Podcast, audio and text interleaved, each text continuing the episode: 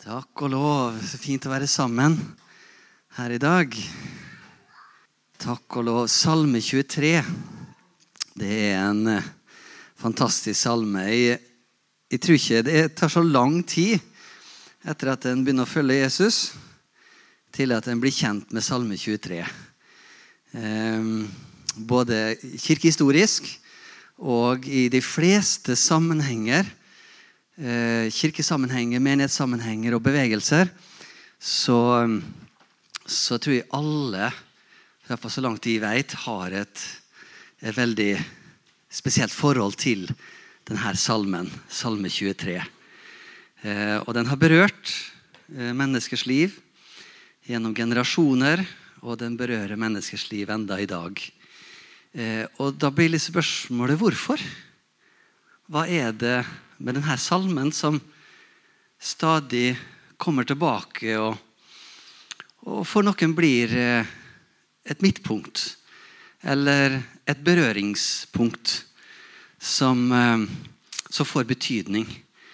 Eh, og også kanskje at en ser tilbake på visse tider i sitt liv hvor at Salme 23 hadde en, en viktig rolle og en stor betydning.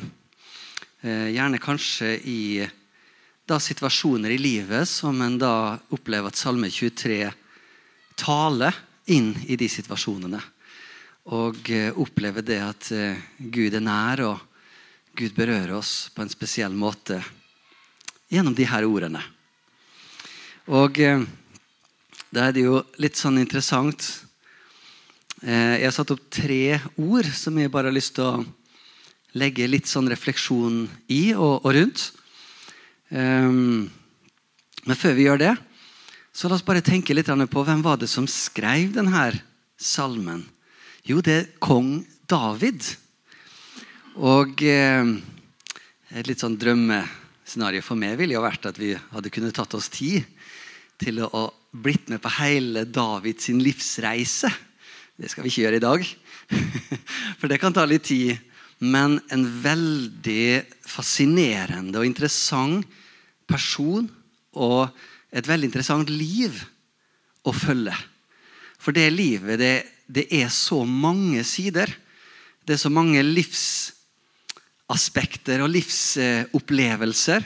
Både på høydene Tenk på når han slo Goliat. Eh, og jeg tror også litt når det står om det at David i da før han, da han var fremfor kongen og sa det at 'jeg kan ta denne kjempen', så refererte han tilbake til at 'jeg har slått både bjørn og løve' i å forsvare disse her sauene som jeg hadde fått ansvaret for. Så det også var sikkert sånne øyeblikk. Det var jo liksom i de øyeblikkene hvor ingen visste og kjente til hva han gjorde. Og kanskje de seirene som var veldig private og ingen andre visste om. Men eh, det òg tenker jeg var sikkert sånn Yes! Ah, der fikk jeg en innertier. Tok den bjørnen der. Ha, takk og lov med Guds hjelp og Guds kraft. Ikke i min evne, men Gud var med meg og fikk stoppa den trusselen som kom derifra. Og så var det en løve som kom, og vi fikk stoppa den trusselen med Guds hjelp. Så David hadde sine høyde, høyepunkter som han, eh, som han virkelig opplevde store, mektige ting. og Dette er bare noen. Det er en rekke andre situasjoner også hvor uh, han opplevde veldig sånne sterke, positive uh, sterke opplevelser. Men du ser også David, hvor han også til andre tider igjen kan være så lavt nede. Så ekstremt langt nede. Og jeg tror det at en av de tingene som gjør salmene så med så stor evne til å berøre oss, er gjerne også når vi opplever at vi er langt nede. Når vi opplever det at livet ikke er der hvor vi står Goliat, og vi føler det at alle heier på oss, og vi kjenner det at det er gjennombrudd etter gjennombrudd. Men kanskje det er helt i motsatte ende. Hvor vi opplever det at vi, vi føler kanskje vi går på nederlag etter nederlag. Opplever det at Hvor er du hen, Gud? Eh, hva gjør jeg nå? Hva er det med all denne ondskapen rundt meg? Hvordan skal jeg forholde meg til de tingene jeg opplever i mitt liv? Og Der ser vi da salme etter salme hvor David bare utøser av sitt hjerte innenfor Gud. Og Det er kanskje én av flere karaktertrekk med David var at han hadde en evne til å, til å ydmyke seg og komme frem for Gud og være hel. Altså i den form av at han var ekte. Han var ekte fremfor Gud. Han, på meg så oppleves det som at hadde veldig lite skuespill foran Gud. Han kunne rote det til, og han kunne til tider bli litt forført og, og, og, og lurt av ting. Sånn som f.eks. da han uh, begikk ekteskapsbrudd med en av, en av uh, ja, kona til en av soldatene sine. Og, men legg merke til når da profeten kommer og irettesetter han. Når han innser, når han på en måte, når han våkner ut av, i og ut av det bedraget som han har kommet inn i. Det første han gjør, er å ydmyke seg innenfor Gud og si Gud, hva er det jeg har gjort? Og du, Det er en, en, egen salme faktisk som omtaler denne brutte tilstanden, hjertetilstanden hos eh, David. Eh, som er, er, veldig, veldig sterk, egentlig. For da får du et innblikk av, av, av Davids egen eh, refleksjon og tanke og, og rop innenfor Gud. Så David han Veldig interessant person å følge. Og da når vi ser de første ordene i eh, denne salmen i vers 1, så står det en salme skrevet av David. Så det her er en salme som kommer ut fra Davids liv og Davids erfaringer og Davids opplevelser. Så det er litt viktig å ha det her litt som et sånn bakteppe det vi stiger inn i de her, denne konkrete salmen. Hva er det ved Gud og Guds karakter og Guds natur som både David har oppdaget, og som han prøver å formidle gjennom de her ordene som han da legger frem. Og Da har jeg bare lyst til å lese gjennom hele salmen en gang først. Bare så vi bare kan få lytte til selve salmen. Her står det en salme av David. Herren er min hyrde. Jeg mangler ingenting. Han lar meg ligge i grønne enger. Han leder meg til hvilens vann. Han fornyer min sjel. Han leder meg på rettferdighetsstier for sitt navns skyld. Ja, selv om jeg må vandre gjennom dødsskyggens dal, frykter jeg ikke for noe ondt for du er med meg. Din kjepp og din stav, de trøster meg. Du dekker bord for meg rett foran mine fiender. Du salver mitt hode med olje. Mitt beger flyter over. Sannelig, bare godhet og miskunnhet skal etterjage meg alle min, mitt livs dager. Og jeg skal bo i Herrens hus til evig tid. Wow. Hva, hva er det? Hvilken livserfaring? Hva er det som gjør at de her ordene og refleksjonene kommer opp i Davids liv? Vi vet jo, Han var jo en hyrde selv. Og Det er tydelig her at det ligger eh, fersk åpenbaring om vi kan si det på den måten, ifra hans eget liv. Hverdagsliv. Og så kommer han da med den første påstanden, som er jo nesten litt sånn forbi forståelse. Men han sier der 'Herren er min hyrde, og jeg mangler ingenting.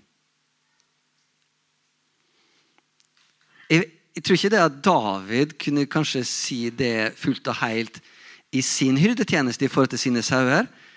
For vi mennesker vi opplever jo at vi har mangel på forskjellige måter, på forskjellige eh, tider og, og på, forskjellige, ja, på forskjellige måter. Men på en eller annen måte så hadde han fått en åpenbaring av Gud som den ultimate forsørger.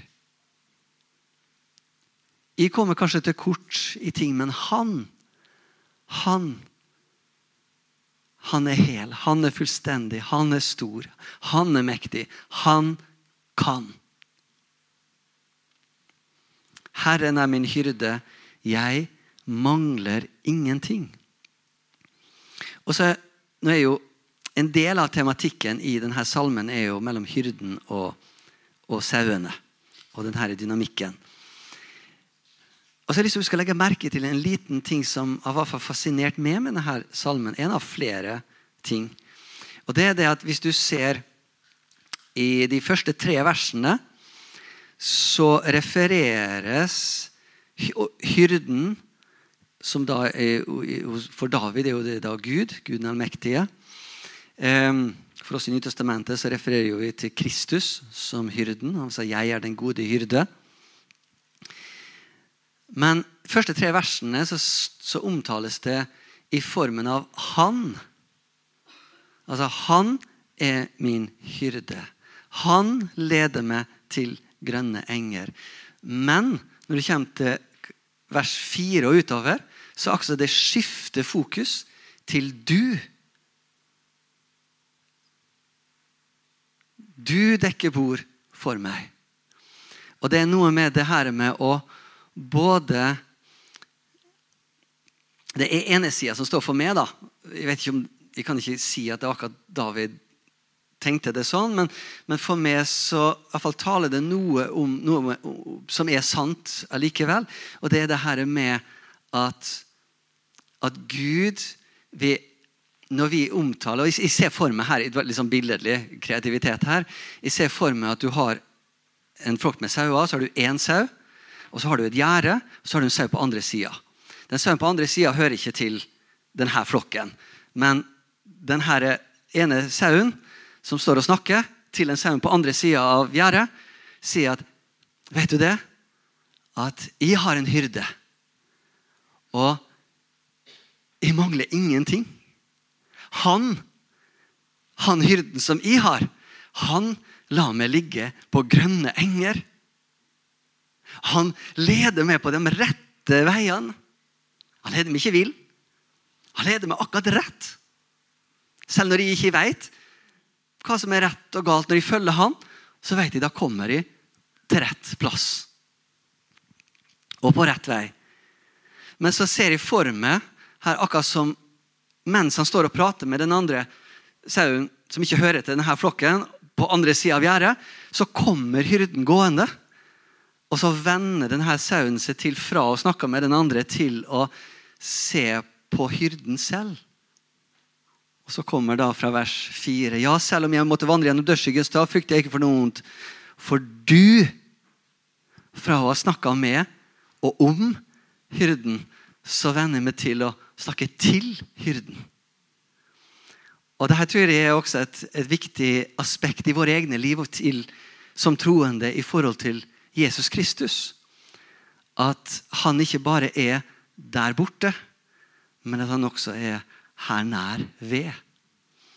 Og der har vi en stor del også. Han ønsker å være nær oss, men så er det at vi må også velge å dra oss nær ham. Vi må velge å kanskje vende blikket fra andre ting og rette blikket direkte til hyrden og tale direkte med hyrden. Og Det er noe dyrebart, det å kunne få både vite det at vi har en hyrde, men ikke bare det. Men vi har også audiens. Vi har mulighet til å dra oss nær og være nær med ham. Han drar seg nær oss, og derfor kan vi dra oss nær ham. Disse er de tre ordene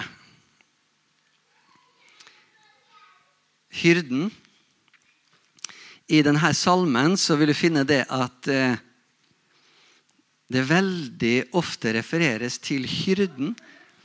Og det sentrale punktet for salmen er denne hyrden som eh, Som eh, Hvis du ser bare det første ordet som kommer i vers 1, er at 'Herren er min hyrde'. Og Det er et punkt til som er litt sånn viktig bakteppe i forhold til denne salmen. er litt det at Hva er hva eller hvem er det som er midtpunktet i denne salmen? Hvem er det som er det første Hva skal jeg si? Knytningspunktet, eller, eller hva er på en måte det mest sentrale? Hvem er den mest sentrale her? Eh, I vår kultur og i vår tid, hvor at vi lever i en kultur rundt oss som er veldig jeg-fokusert, så kan vi også veldig lett lese den salmen her med fokus på meg. Men vet du det at aller først så handler den salmen her om hyrden, ikke om meg. Den starter med at Herren, han er hyrden. Og det er noe med for oss også. Det er noe med en, en, en god ydmykelse. en god det å finne den mykheten er også det å finne det rette forholdet i forhold til hyrden. Eh, livet handler ikke om oss. Livet handler om Han. Og når vi søker ham og drar oss nær ham, da finner vi også livet selv. Men hvis vi søker først i oss selv, og så prøver vi å legge liksom Jesus i tillegg, så finner vi ikke det livet. Da vil vi bare fortsette å søke, fordi vi finner ikke det sentrale som Gud har lagt ned i livet, i oss selv, men det finner vi i Han. Derfor ser vi da gjennom salmen så ser du det at det står igjen og igjen du, du, du, du eh, dekker bord. Du gjør det. altså det Hele tiden, hele salmen er først fokusert oppover. På Han som gjør. Og så er det jo da det andre ordet. Han inviterer oss. Han er den gode hyrde. Han er den store og mektige. Som òg velger å invitere oss nær til seg. Vi får en invitasjon. Og i Kristus, vi som var langt borte, har nå kommet nær ved Kristi blod. Som det står i Efesene kapittel 2. Så vi som var langt borte, vi som var uten håp og uten fremtid, vi har nå kommet nær til Han ved Jesu blod. Så han inviterer oss også etter vi har tatt imot Jesus. Så fortsetter han å invitere oss. Kom nær. Kom nær til meg. La oss vandre sammen. Så det er også viktig i forhold til å få oppleve jeg tror en del av det som David reflekterer over i denne salmen. Skal det bli virkelig i våre liv, så trengs det også en steg av oss å tas. Hvor vi nærmer oss Han. Og Da må vi kanskje forsake noen andre ting.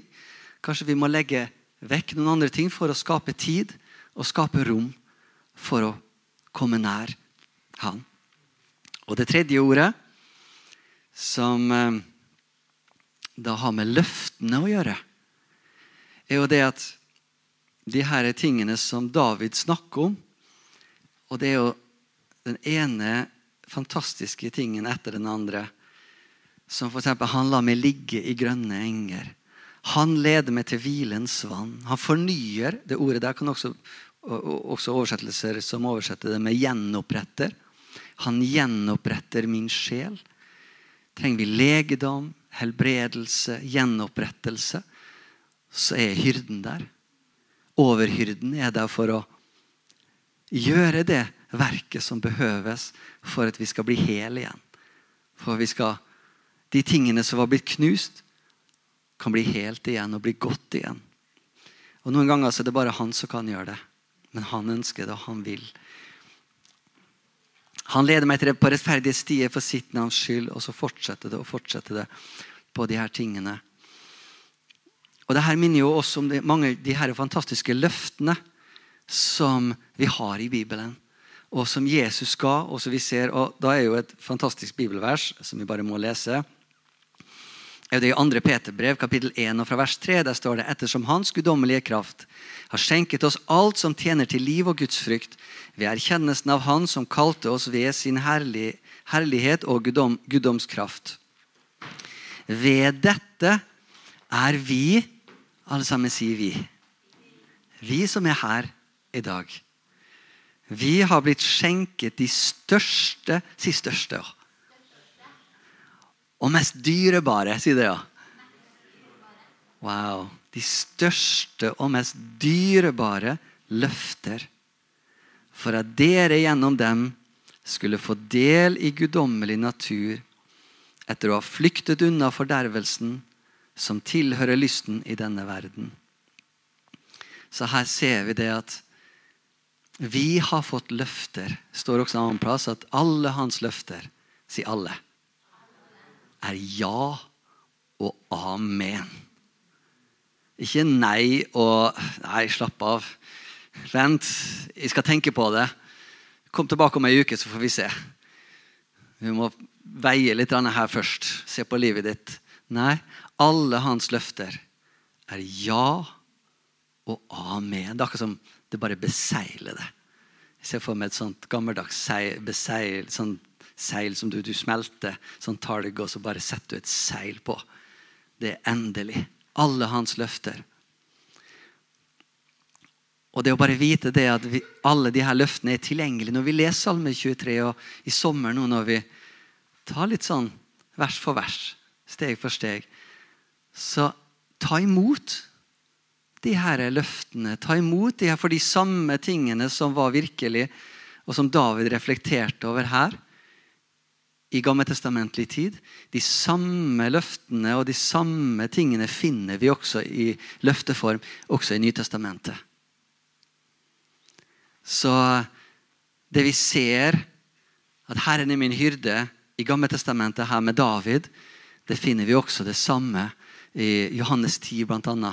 Og Jesus sier at 'jeg er den gode hyrde'.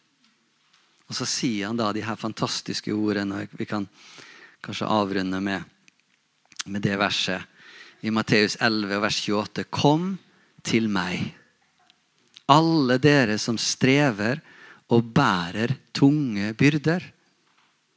Og jeg vil gi dere hvile. Ta mitt åk på dere og lær av meg, for jeg er mild og ydmyk av hjerte. Og dere skal finne hvile for sjelene deres. Mitt åk er gagnelig, og min byrde er lett. Så La meg bare gjenta det til slutt her, nå som står da i de første ordene der. Kom til meg. Så vet dere videre hva som står der nå. Men La oss bare la hvile ved de her ordene idet vi tar tid nå til å ta en reise gjennom Salme 23. Så bare ta med de her tre ordene. Kom til meg. Amen. Himmelske Far, vi bare takker deg. Takker deg, Herre Far, for at du er den store hyrde. Du er frelseren, du er herre, og du er hyrden. Herre Far, det at vi har først fått møte det som frelser. Vi som var fortapt og uten håp. Så fikk vi håp og en fremtid. Og himmelske Far, det mest naturlige gjensvaret for oss etter å få møte det som frelser, er å få se det som Herre og gi, legge ned våre liv. Legge ned alt som vi Hva har vi egentlig? Vi har nesten ingenting, men vi har vår kjærlighet. Vi har våre liv. Vi har vår hengivenhet. Veldig mye mer har vi ikke som har noe særlig stor betydning. Men vi kan gi våre liv og vår fremtid. Og det gjør vi når vi sier at du er vår Herre. Og så kommer vi i møte også med det som hyrde. Du kommer gående mot oss og sier med åpne armer og sier, 'Kom til meg'.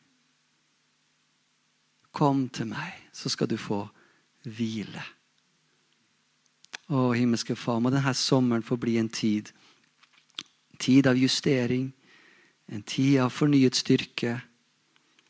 En tid, Herre Far, hvor vi kan få kjenne det at idet vi stiger inn i høstens hverdag igjen, vi kan få kjenne enda mer at vi får lov å gå i ferdiglagte gjerninger. Og enda mindre i eget strev. Det ber vi om, og det tar vi imot i Jesu navn. Og folket sa? Amen. Å, så fint. Salme 23. Jeg må bare ta med, meg, ta med en sau som er litt god å stryke på her, da, som er litt mjuk. Er, vi snakka om at David han tok fram det med sauer, for det var jo nært til hans hverdag. Han har jo vært hyrden og sett sauene på nært hold. Eh, men jeg tror, som med alle ting i Guds ord, så er det litt mindre tilfeldig. Jeg tror at det er Gud inspirert. Og når det var akkurat sauen som ble bildet på oss mennesker i forhold til hyrden, så er det mye symbolikk der som vi kan dra ut fra. Og kanskje en av de tingene som vi syns er det mest dyrebare, er avhengighetsforholdet som sauen har til hyrden sin. Sauer det, Pappa bruker å kalle dem for dumme. Han er jo sauebonde, så han Og vi drar ikke det bildet rett over, da, men Men de trenger noen som passer på seg, og kanskje spesielt i det naturlige landskapet som er der nede i Midtøsten, så var de spesielt av. Det er ikke sånn at de kunne slippe dem på skalten, og så gikk de der alene en hel sommer. De trengte sauen som dekka bord for dem, passa på at det var trygt for sauene å gå der. Leda dem til gress. Det er jo litt mer ørkenlandskap der nede. Det er ikke sånne frodige marker på samme måte som vi ser det her. sant? Sauen er avhengig av hyrden for å finne mat, for å finne hvile. Og det er en sånn spesiell ting med sauer at de legger seg ikke ned og hviler med mindre de vet at de er helt trygge. Har jeg lest. Ja, jeg har kildesjekka det. Det var for en trygg kilde. Noen som skulle vite hva de har snakka om. Så sauer er avhengig av å vite at det er trygt for dem. De er avhengig av at noen kunne lede dem til mat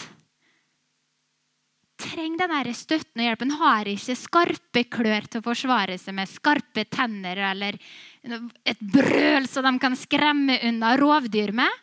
De må på en måte flykte for å gjemme seg. Men når hyrden er med med kjeppen og staven og forsvarer som David gjorde Han forsvarte, han tok løva og bjørn og forsvarte disse lamma sine og sauene sine. Så kan vi se på oss. Vi er der med vår hyrde. Vi Går ikke på skalten alene i sommer, hyrdeløs. Gud har ikke sagt at nå tar jeg sommerferie, nå kan du gå der og gresse for deg sjøl. Han er tett på fårene sine hele tida. Holder oss nær. Eller, og vi, han er nær. Alltid. Og det er opp til oss om vi vil forbli nær og være der. Nær til han. Så vi får tenke litt sånn nå, når vi setter forstørrelsesglasset på Salme 23 i sommer, at eh, i en sau. og jeg drar nær til hyrden min. Jeg trenger han for å finne god mat, for å finne hvile, næring og forfriskning til sjela mi i sommer og få ladd opp til en ny høst. Fortsatt sammen med hyrden min.